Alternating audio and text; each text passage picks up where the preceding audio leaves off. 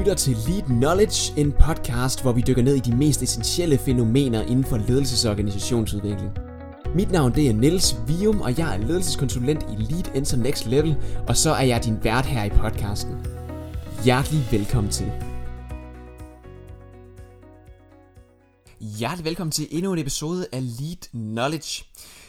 Igen har vi taget Rasmus Thygrøn med i studiet. Hjertelig velkommen til dig, Rasmus. Tak skal du have, Niels. Vi snakkede sammen sidste gang om øh, sådan en helt kort omri- oprids af, af den her bog, øh, Den offentlige leadership pipeline 2.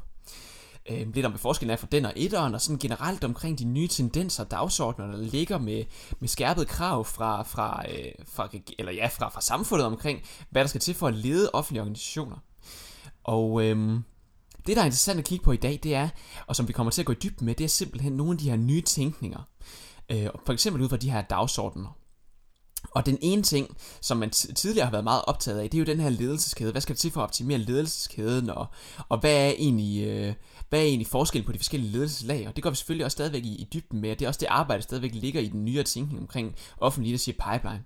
Men noget af det, som er det nyere, øh, som der er lagt mere og mere fokus på nu, det er, hvordan er det egentlig, vi, vi laver en optimeret, samlet velfærdskæde også, så det ikke kun fokuserer på ledelseskæden, men også på sådan en samlet velfærdskæde, i hvert fald hvad I beskriver i bogen, og som noget af det nyere, nyere tænkning omkring det går ud på. Så hvad vil det sige, at vi nu også fokuserer rigtig meget på den samlede velfærdskæde, Rasmus? Jamen det betyder, at øh, vi selvfølgelig stadigvæk har meget fokus på ledelseskæden, for den er jo meget, meget central. Men det vi har gjort, det er, at vi har øh, arbejdet med at udvide den her tænkning, så man kan sige, at jeg er gået lidt fra at være optaget af ledelseskæden til at være mere optaget også af den samlede velfærdskæde.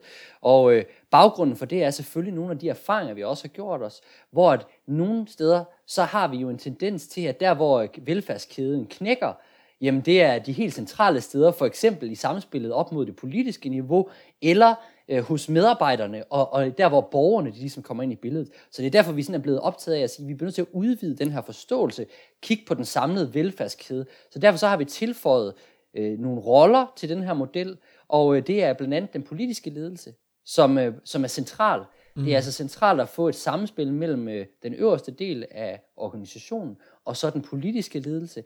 Så har vi tilføjet øh, borgerrollen også, og øh, det er selvfølgelig fordi, at der er en, en skærpet opmærksomhed på, hvad er det egentlig, man skal levere til borgerne, men også at borgerne har fået en ny rolle. Altså der er nogle skærpede krav til, hvordan det er, man er medproducent af velfærd. Mm. Man er ikke bare en, en passiv modtager af offentlige nej. ydelser og velfærd, nej. Man har faktisk en forventning om, at borgerne bidrager til den her velfærdsproduktion. Og sidst men ikke mindst, jamen, så betyder det også, at når der er kommet mere fokus på borgerrollen, så skærper det også på mange måder krav til borger- eller medarbejderrollen. Så yes. det betyder, at medarbejderne lige pludselig også får en, en meget, meget mere central placering i den her samlede velfærdskæde, for det er jo dem, der skal lykkes med at, øh, at få tingene til at hænge sammen. Det er dem, der skal lykkes med at producere bedre velfærd og løse kerneopgaven på nye måder. Så, så det er lidt af ja. forskellen nu, nu bliver jeg jo allerede med det samme nysgerrig på det her, øh, som du fremlægger, Rasmus, omkring borgeren modtager ikke længere bare velfærd, men ligesom medproducent på det. Øh, hvad, altså alene det, hvad betyder det egentlig? Hvorfor, hvorfor det? Jamen det, det er der jo flere forklaringer på. En af tingene er jo, at øh, med faldende ressourcer og øget krav til, hvad det er, man, øh, man forventer en offentlig organisation og en offentlig sektor producerer, jamen så er der, der er nogle steder, vi stadigvæk godt kan hente lidt men der er altså også nogle nye steder, vi bliver nødt til at lede efter ressourcer, hvis vi skal kunne lykkes med at følge med. Mm. Altså stigende krav og forventninger, matchet med, med faldende ressourcer, jamen, så skal vi ud og kigge.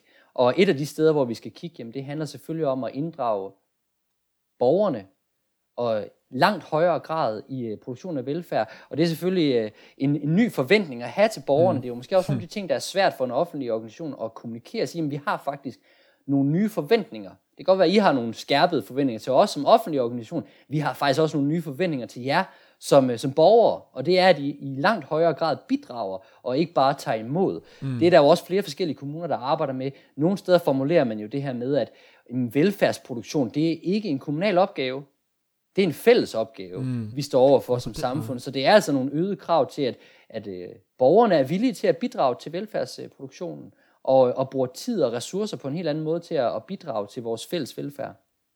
Hvad er det ellers for nogle, øh, nogle, nogle komplekse ting, som, som hele den her øh, offentlig leadership pipeline 2 tager udgangspunkt i, øh, i forhold til den her samlede velfærdskæde? Jamen noget af det, den også tager udgangspunkt i, det er jo også nogle erfaringer omkring, hvordan er det, man får øh, det politiske niveau til at hænge sammen med resten af organisationen. Og derfor så er det her politiske niveau også inddraget som en ny rolle. Det, der jo ligesom kan ske mange steder også, det er jo, at ligesom det kan knække den her velfærdskæde øh, mellem ja, omkring medarbejderniveau og ud mod borgerne, mm. hvor det er jo helt centralt, jamen, så kan den altså også godt knække øh, mellem det politiske niveau og så øh, resten af den her øh, faglige organisation, som skal levere de her øh, ydelser.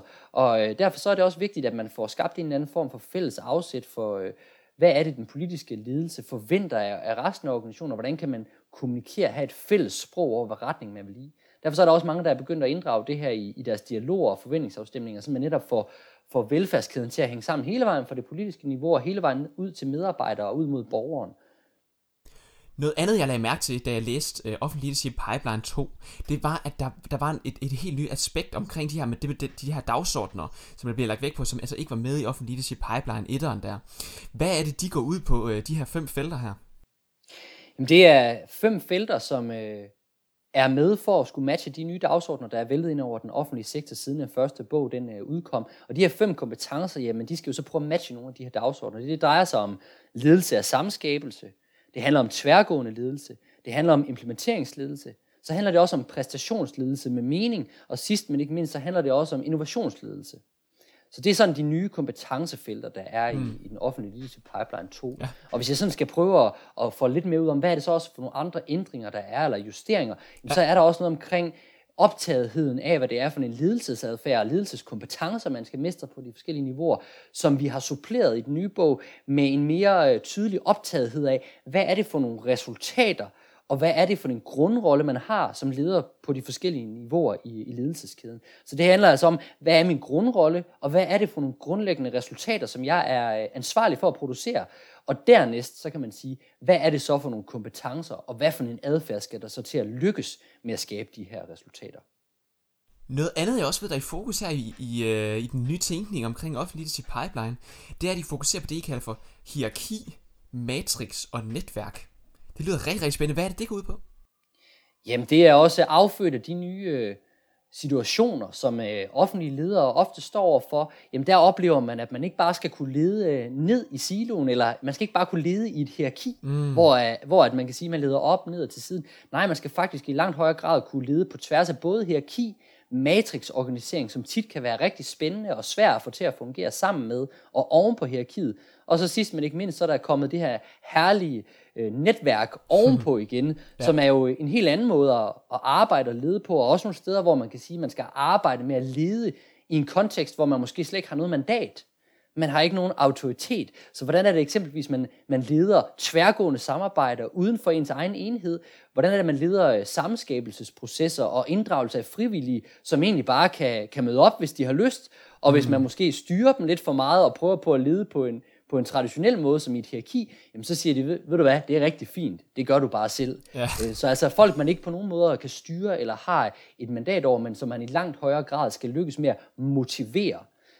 En det kunne simpelthen være borgerne, eller hvad? Øh? Ja, det kunne være inddragelse af frivillige, hvor man mm. i langt højere grad øh, bliver nødt til at appellere til deres passion og motivation, og, og langt mindre grad kan, hvad kan man sige, kontrollere og styre folk, fordi man ja. har ikke nogen man har ikke noget mandat, nogen ledelsesautoritet over dem. Og en anden sådan, vigtig ting, som, øh, som man også kan arbejde med, det handler jo også om, hvordan er det, man i højere grad lader opgaven sætte hold. Det er der også mange, der taler om. Det er også det, vi møder i mange organisationer, som er rigtig svært at få til at fungere sammen med de her tre organiseringsformer. Så, så hvordan er det, man arbejder på kryds og tværs af med, altså den her ja, øh, hierarki organisering, matrixorganisering og netværksorganisering, og hvordan lader man i højere grad opgaven sætte holdet? Øh, hvad betyder det, det at lade opgaven sætte holdet? Jamen, det handler jo om, at man reflekterer lidt over, hvad er det egentlig, vi skal lykkes med her? Hvad er det for en opgave, vi står overfor? Og hvordan er det mest hensigtsmæssigt, at vi organiserer os? Hvem skal deltage? Er det bare øh, automatisk tilskrivning, at nu mødes vi altså alle sammen fra alle de her tre afdelinger, ah, ja. fordi at, øh, at det er jo dem, der er involveret, eller giver det faktisk mere mening, at vi ligesom håndplukker, hvem er det, der skal være med til at kunne drive det her projekt, for at vi lykkes. Og det er ikke nødvendigvis bare, at vi kigger på et organisationsdiagram, og så siger, at de her afdelinger er med, så derfor så skal alle deltage. Så det er jo at prøve at være lidt mere agile øh, og fleksible i den måde, man nedsætter øh, ja, opgavegrupper eller teams, mm. som skal arbejde med at løse nogle strategiske indsatser. Hvis man skal lykkes med at skabe den her sammenhængende velfærdskæde, som vi bliver ved med at tilbage til, hvad er så også vigtigt at fokusere på? Jamen det er klart, at den her forventningsafstemning hele vejen fra, fra det politiske niveau, og så hele vejen ned igennem ledelseskæden, ned til medarbejderne og ud til borgerne, jamen den er helt central. Når det så er sagt, jamen så øh, er det også vigtigt, at man opbygger nogle praksiser, som understøtter det her. Og øh, en af de måder, mange organisationer arbejder med det på, det er jo, at de laver et øh, ledelsesgrundlag, som, som ligesom udkrystalliserer, hvad er det, de centrale kompetencer til ledere i organisationen er, hvad er det for nogle resultater, hvad er det for en adfærd, vi skal se på de forskellige niveauer i ledelseskæden og velfærdskæden, som vi får rette ledelse på rette niveau. Når det er sagt, så er, den, er det også vigtigt, at man understøtter det. Og der arbejder mange øh, organisationer med næste step efter at have udviklet sådan en, en sammenhængende velfærdskæde og formuleret forventninger til de forskellige roller, så skal man også understøtte det. Og det kan man gøre ved at synkronisere alle de ting, der påvirker ledelseskæden og velfærdskæden. Det kan eksempelvis være noget som øh, den måde, man rekrutterer og onboarder ledere på. Det kan være den måde, man kompetenceudvikler organisationen på. Den måde, man bedriver øh, ledelses- og medarbejderudvikling. Det kan være den måde, man har talentudvikling. Altså, hvordan er det, man sørger for, at, at det, vi mener er det strategisk vigtigste i organisationen, jamen det afspejler sig også i den måde, vi udvælger, hvad der faktisk er ledelsestalent hvad er talenter her, og hvad er det mm. vigtigt, vi har i fremtiden, som vi skal udvikle noget mere af. Så der er altså en masse synkroniseringer, kan man sige, rundt om, om den her ledelseskæde, som også skal understøtte velfærdskæden i at lykkes med at skabe bedre resultater. Hvad er sådan helt overordnet det, du vil anbefale en, øh, en ledelse, eller ja, HR, eller hvem det er, der måtte sidde med de her forskellige beslutningsevner i organisationen, øh, i en offentlig organisation, hvad, hvad er det for nogle øh, konkrete ting, du vil, du vil sige til de her personer, der vil være det første, de skal gøre, hvis de gerne vil, vil ind i den her øh, offentlige leadership pipeline 2 øh, tankegang, de mest opdaterede ting omkring det, og, og så prøve at lykkes med, med den her mm. velfærdskæde her. Hvad vil du så sige til dem, ja. de kan gøre fra nu af?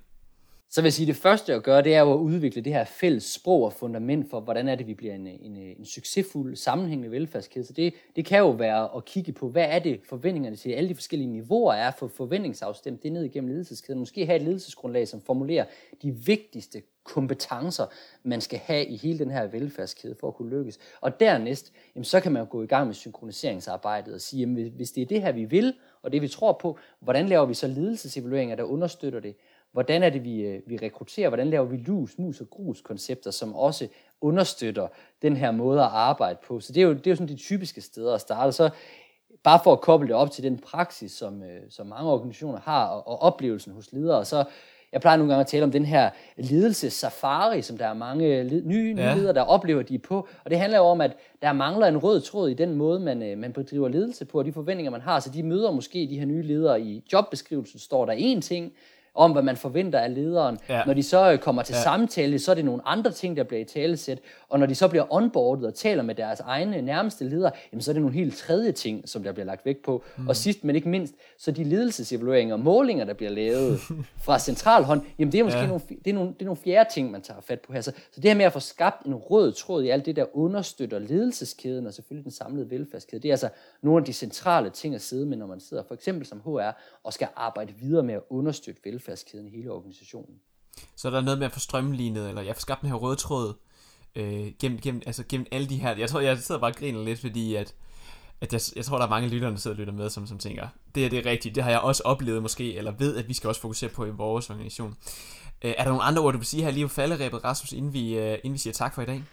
Ja, så vil jeg, jeg tror, jeg vil trække talentudviklingen frem, fordi det er jo sådan noget af det, der, der virkelig stormer frem i, også i en offentlig kontekst, hvor man virkelig er blevet opmærksom på, at en af de vigtigste opgaver for, for ledelseskæden, jamen det er også at udvikle alle former for talenter. Selvfølgelig særligt er man opmærksom ja. på ledelsestalenter, men sådan set alle slags talenter, det er jo ledelseskædens ansvar at sørge for det. Og der kan det altså være en god idé, at man arbejder med meget, meget konkret og lade talentudviklingsforløbet helt fra rekrutteringen af de nye talenter.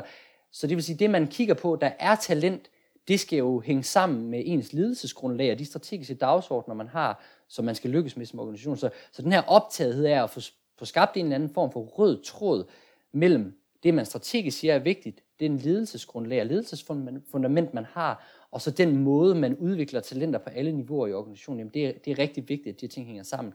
For ellers så bliver oplevelsen netop, at, øh, at man sådan lidt øh, peger i øst og vest, øh, og, der er ikke rigtig nogen oplevelse af, at vi faktisk laver noget, der hænger sammen. Så det er en vigtig del af det at arbejde med talentudvikling, at det bliver et ledelsesansvar, mm. men også at det bliver koblet op på de strategiske dagsordner, man har som organisation.